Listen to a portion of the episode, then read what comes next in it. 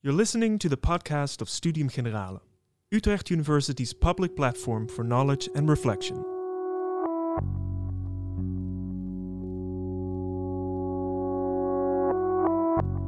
A few years ago, philosopher Hanno Sauer shocked many of his colleagues by stating that old philosophy is overrated. He wrote in a much read article We can learn surprisingly little about philosophical problems by studying the works of the great historical philosophers such as Aristotle, Hegel, or Wittgenstein. When a small Twitter storm arose, he wondered whether he should change his position and in what way. Is the history of philosophy philosophically relevant? Yeah, thank you all for coming. Um, I appreciate it. I appreciate your interest. Uh, my name is Hanno. Uh, I'm, I'm, usually mostly interested in how the moral mind works and what the connection is between uh, moral norms and values and their origins. It can be how we make moral judgments, it can be the cultural history of our values, how values change, do they improve, do they progress. Um, and I use a lot of theories and evidence from other disciplines to try to shed light on these sorts of ethical and meta-ethical questions. And sometimes that means that I also think about how should we do um, philosophy in the first place. And this has led to these two papers. One was called The End of History, and I just wrote it up.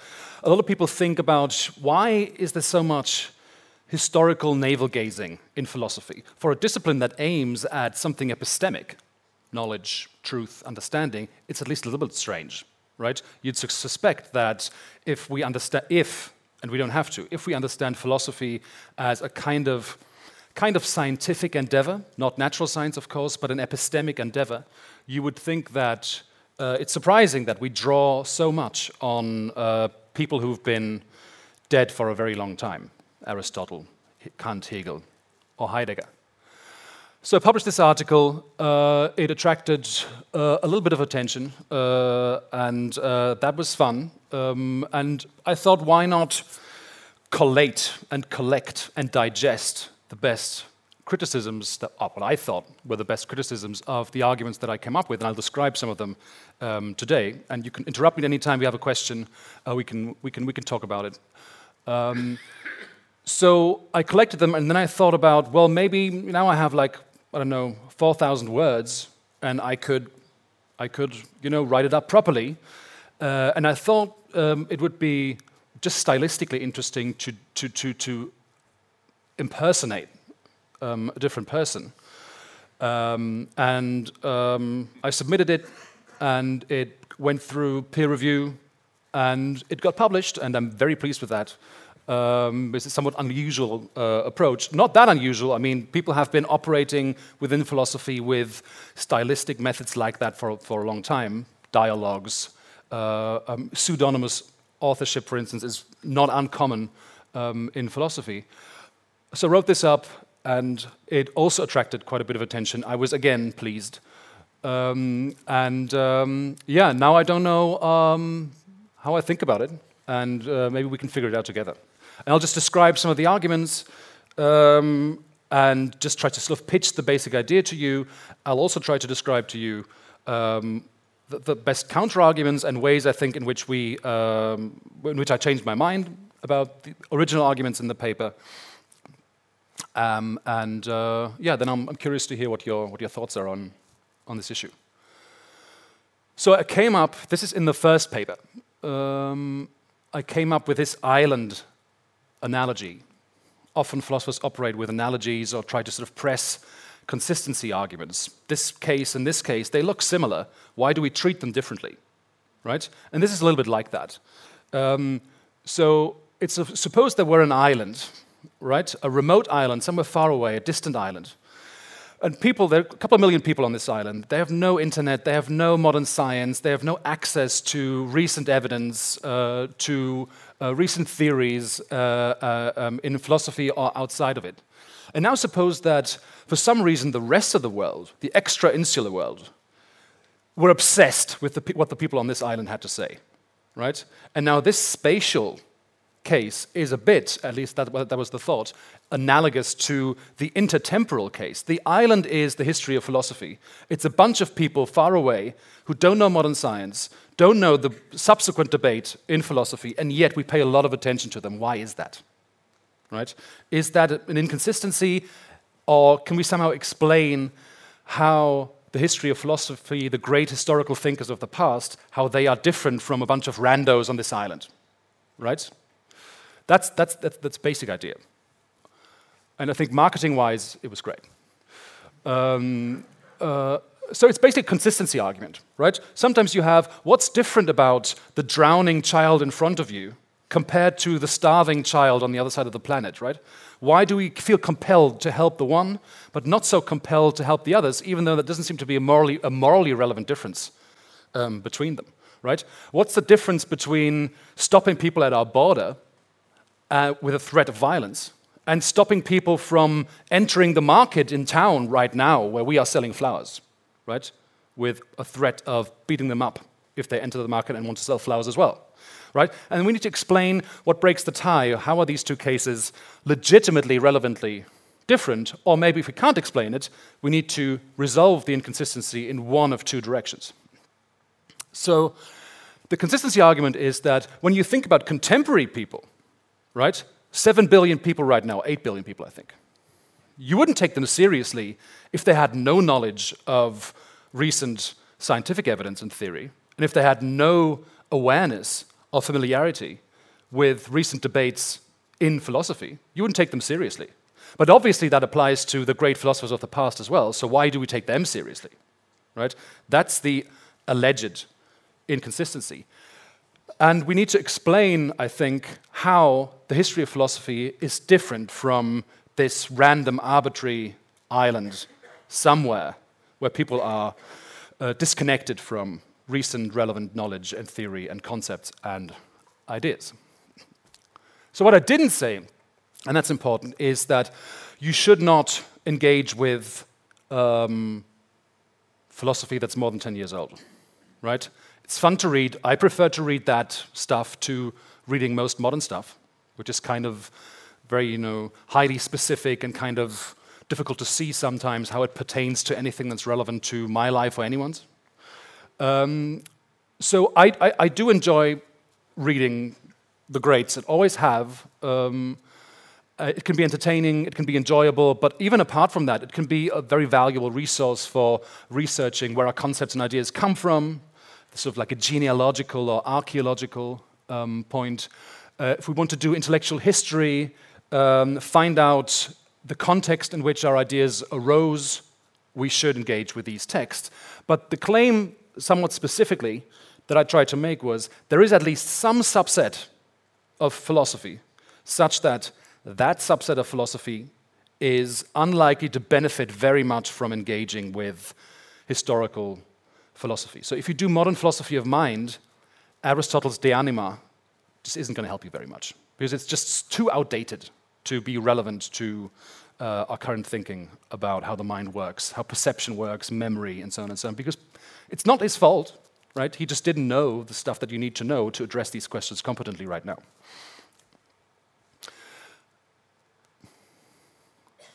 So,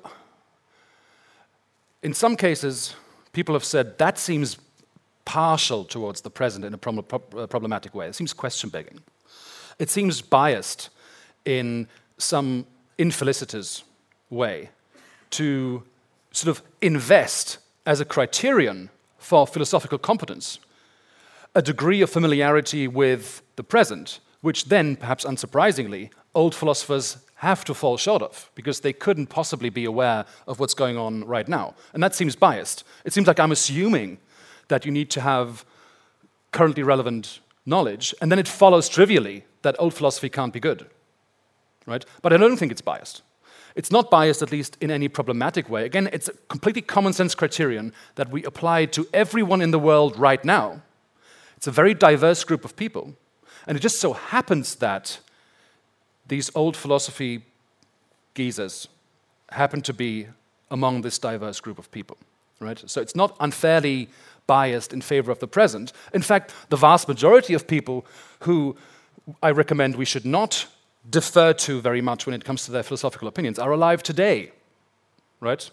It just so happens that when you apply the criterion, you need to be competent in current debates and have at least the relevant knowledge at your disposal. It turns out that the great philosophers of the past are also um, a part of that bunch.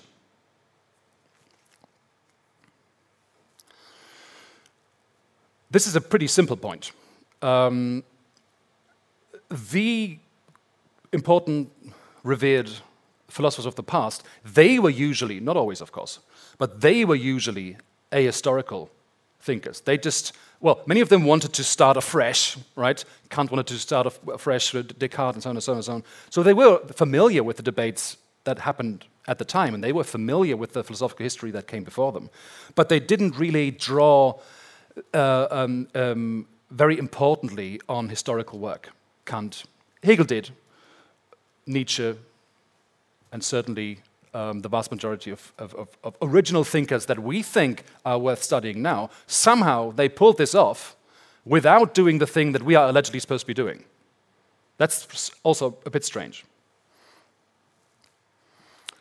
There's also, and, and this, I, I was kind of proud of, proud of this argument, and I, I, was, I was upset that it didn't get the attention it deserves, maybe because it's not so good, but I like it. Uh, it's that the value of historical scholarship seems to lie mostly in current stuff, in current work, right? So it's you, you, you don't see the same kind of focus on, well, probably old historiographical work in people who do history of philosophy, old historical scholarship on Kant or Hegel from 1900 or something. People usually don't take that uh, to follow the same kind of historical pattern where the past has very, very outsized influence. And it's at least somewhat surprising that if there's something about philosophy, whatever it is, that means that probably the old stuff is pretty good, it's surprising that that wouldn't apply to the philosophical scholarship on these writers and thinkers. If there's something about philosophy, why do we find this asymmetry between the scholarship and the original work, um, so to speak? Um, and it could be that we, we focus on a couple of just towering um, geniuses, maybe. But it could also just be basically a hagiographical reason. We just revere these people because they, they've been revered for so long, and we also do it. So one could ask if, if, if, if we concede the possibility that historical, scholar, historical work in philosophy by the great thinkers of the past, from Aristotle to Wittgenstein or, or whatever, if we concede the possibility that there may be no good reasons for why that is the case, it's just a kind of way in which philosophy tends to be done, but there's no systematic justification for why that should be so. If we concede that possibility, we can start asking well, how do we explain in a non epistemic way? How do we explain why that still happens? And I think there are a bunch of possibilities. One is uh, publication bias. Sexy results get attention and they get passed down through the generations. Lots of old philosophers have said crazy stuff, and so we still pay attention to it, not because it's true, um, but because it's attention grabbing, right? It's just um, a, a, matter of um, clout, basically. It, so old philosophy gets tra transmitted the way that, in a way, religion gets transmitted. It's, much of it is pretty bizarre, and that's what makes it survive. Um, then again, usually it's a good idea to try to learn from people who are prestigious and older and more experienced than we are, right? There are very, very sound evolutionary reasons for why our social learning uh, mechanisms would be biased in favor of prestigious and older people because they have most to teach us, right? It's just in the case of cultural techniques where we can preserve the thoughts and utterances of people who've been dead for millennia, that kind of heuristic starts to misfire, right? And a learning heuristic that is very, very good in general is just being trapped in this, uh, in this problematic um, area where we try to learn from the oldest and most prestigious people. And it just happens that Just so happens that that's not a good idea um, in, in, in, cases where uh, people's statements are 500 years old or 2,000 um, years old. It's just we can't get rid of this bias. Um, it, it, could also be that it's just like a generational thing. It's, it's what we've been taught. It's what I've been taught, right? And people say, ah, I've spent 15 years reading these people, and I don't want to sink my costs, right? So I'm just going to keep doing it, I guess, right? Um, this is sort of like a sunk cost kind of fallacy. Or it's also, this is a bit of a, this is like Star, why, why Star Wars is popular, right? People found it exciting when they were 11, and they're chasing, we're still chasing that feeling, even though it's bad. Um, so it's usually people get excited about philosophy. They pick up a copy of Plato or something from their parents' um, shelf, and that's what grabs people by the by the heart, right? And we just fall in love with it that way, uh, and remain attached, even though um, there are no good epistemic reasons for that, so to speak. But this is purely speculation, all of that, right? This is just like um, empirical conjectures about what it could be that explains why, uh, why we are so attached to the, the um, outsized influence of historical thinkers on current philosophy, um, even though it, it, it may not make sense. You had a question, I think.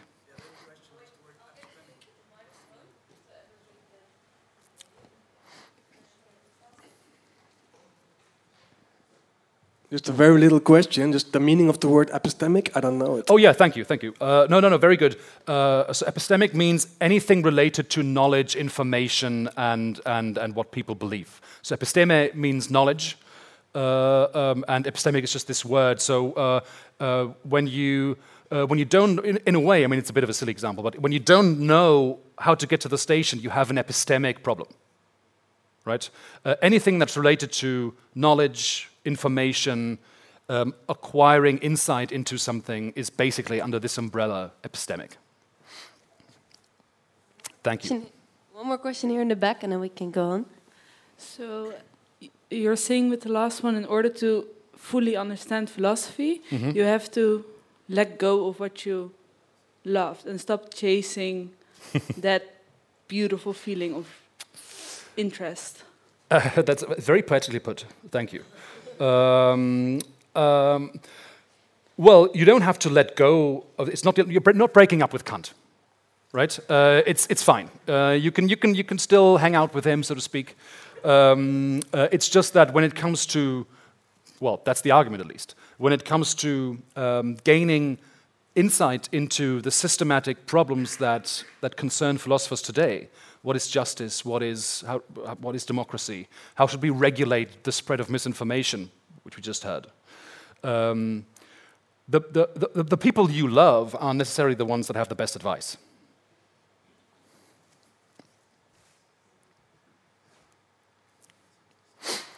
Now, a lot of people hate all of that, right?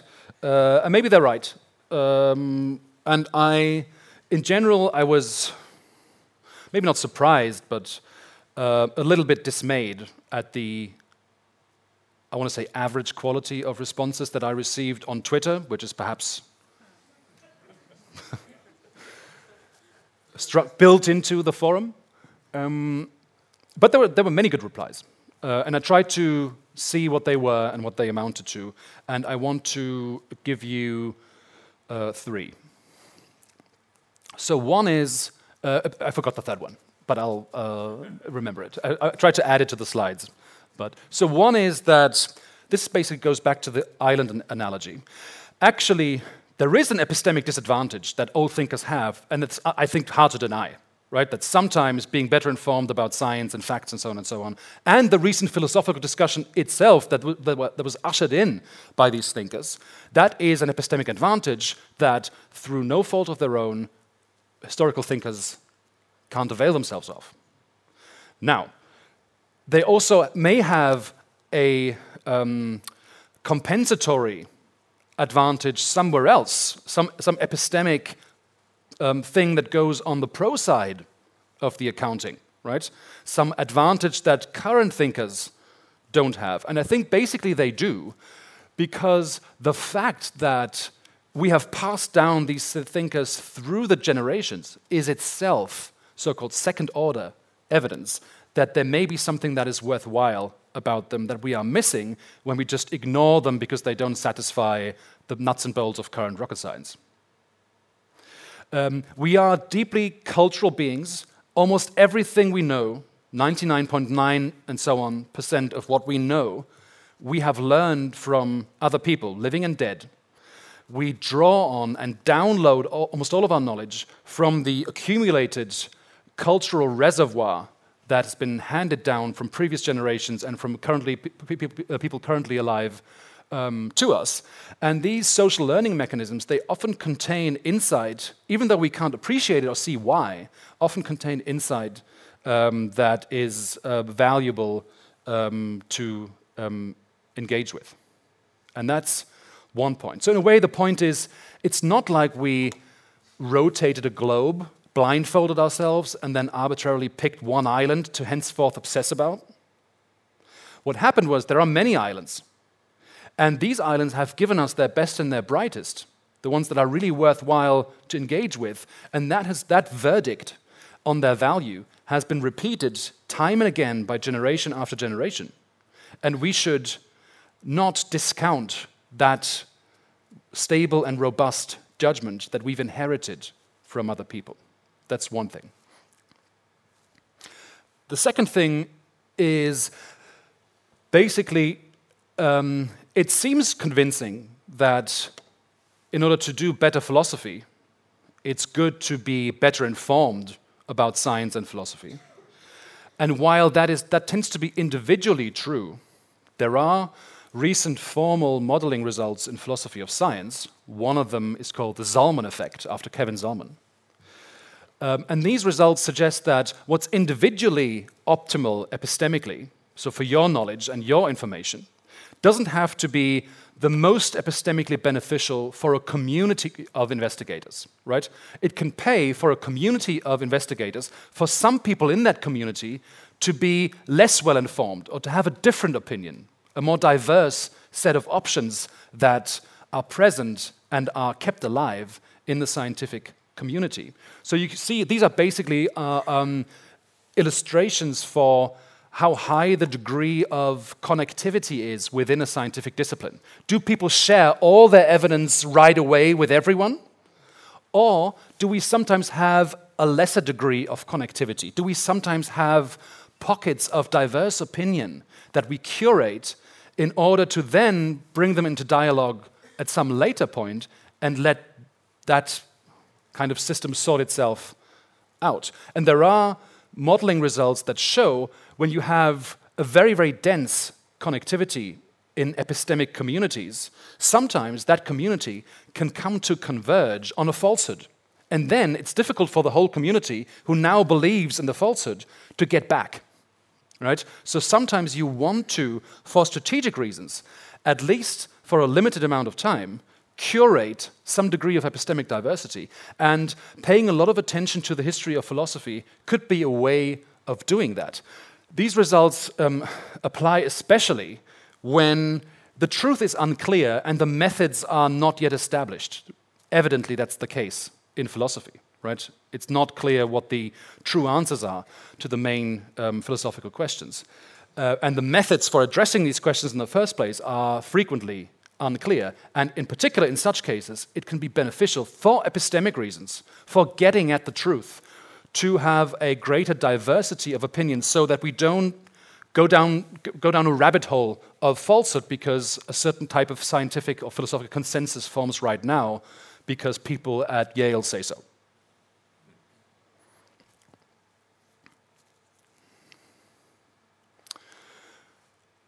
I think the, uh, the third one, right. Um, the third one is um, I, I, suggested in the, in the first paper that I wrote on this that it's uh, another kind of consistency argument, which is that we tend to discount, specifically when it comes to people's moral views, we tend to discount or completely dismiss and ignore people's moral views when uh, some of their moral views are just obviously bigoted or problematic or deeply unjustified, right? So if you find out that someone you just met thinks that slavery is a good idea, you're not going to listen very much to the ethical advice of that person when it comes to other topics, right? That person sort of like uh, um, deemed themselves unreliable as um, someone who can provide testimony regarding what's right and wrong in ethics and morality. And I tried to run that argument against historical philosophers. Aristotle defended a version of slavery. Um, men, most of them thought that women are inferior and, and can be male property, shouldn't vote, uh, are intellectually feeble minded and, and, and, and, not capable of uh, doing science, politics, and so on and so on. Um, Hegel thought that um, executing people for crimes is a way of showing them respect because you take them seriously, right? yeah, well.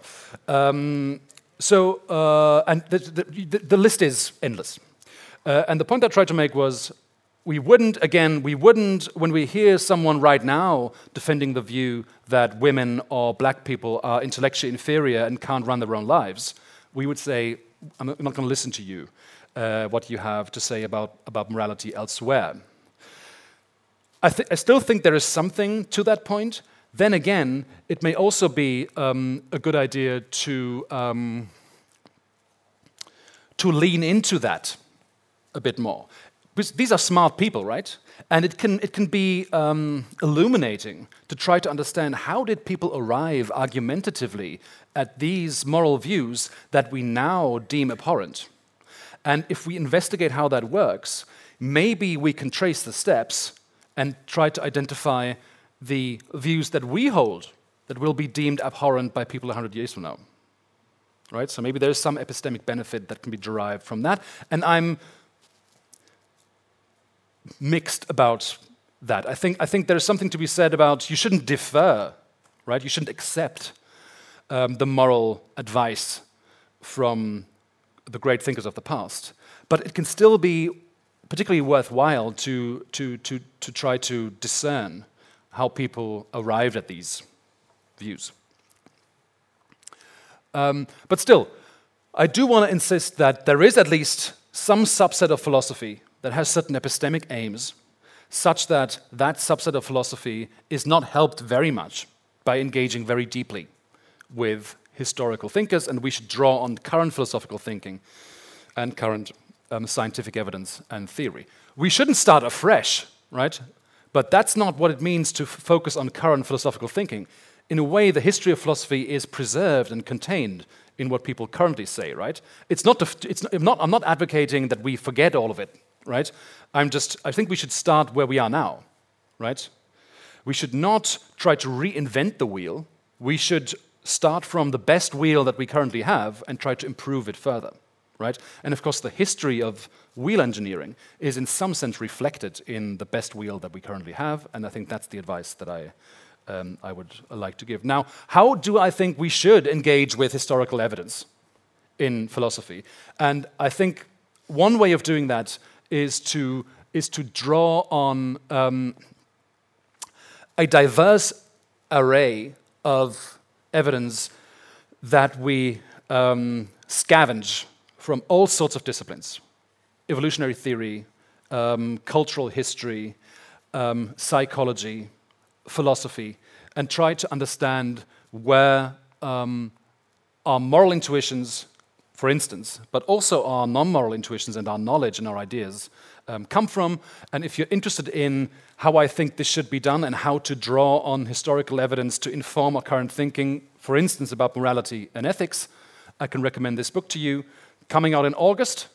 Uh, and um, um, maybe you'll like it. And thanks for your attention.